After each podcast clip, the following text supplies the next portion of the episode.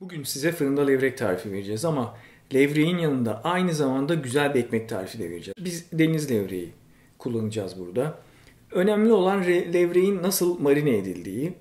Ee, bunun için e, defne yaprağı, limon, tuz ve zeytinyağına ihtiyacımız var. Yani zaten belli sebzelerle fırına koyduğumuzda her şekilde lezzetli olur ama burada önemli olan öncesinde levreği en az 2-3 saat defne yaprağı, zeytinyağı, çok az limon ve tuzlu bir marina sosunda bir süre bekletmek.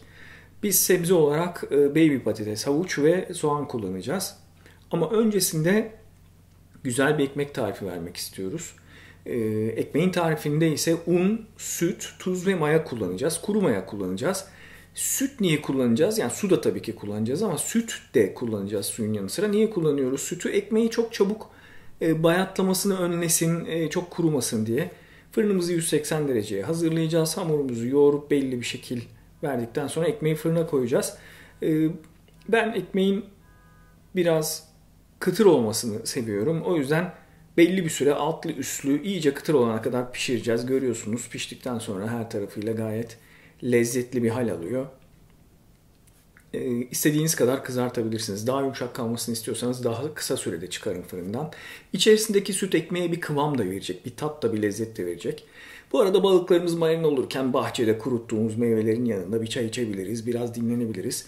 Balığın en az 2-3 saat o zeytinyağı, tuz, limon ve defne yaprağı sosunda marine olması lazım ki lezzetini alabilsin. Dediğimiz gibi fırında yemek yapmak zaten malzemeleri belli bir düzende fırına atmaktan ibaret. Önemli olan onun sosları, pişirme biçimi ve yöntemi.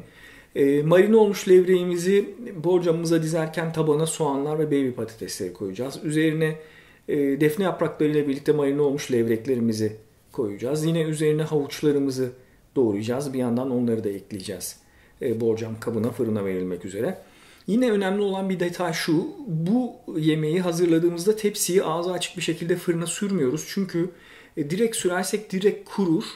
Biz e, artık birkaç dilim de tat versin diye limon koyduktan sonra üzerine üzerini bir alüminyum folyo ile kapatıp 40-45 e, dakikalık pişme süresinin e, yarısını en azından alüminyum, alüminyum folyo ile kapalıyken yapacağız. Yaklaşık yine 180 derecede fırınımız. Niye alüminyum folyo kapatıyoruz? Çünkü önce bir haşlanma etkisiyle patates, havuçların bir miktar yumuşaması lazım.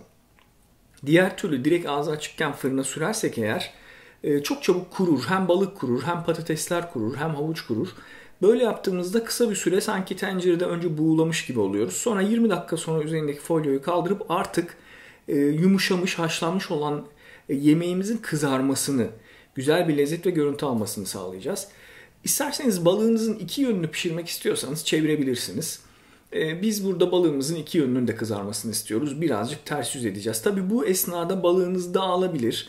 Yani görüntüsü birazcık bozulabilir ama en azından iki yönü de kızarmış olur. Daha lezzetli e, bir sonuç elde ederseniz. Dikkat ederseniz baby patateslerimiz harika pişmiş. Burada yani önce folyo ile pişirip sonra kızarttığınızda inanılmaz güzel bir kıvam ve pişme e, oranına varıyorlar.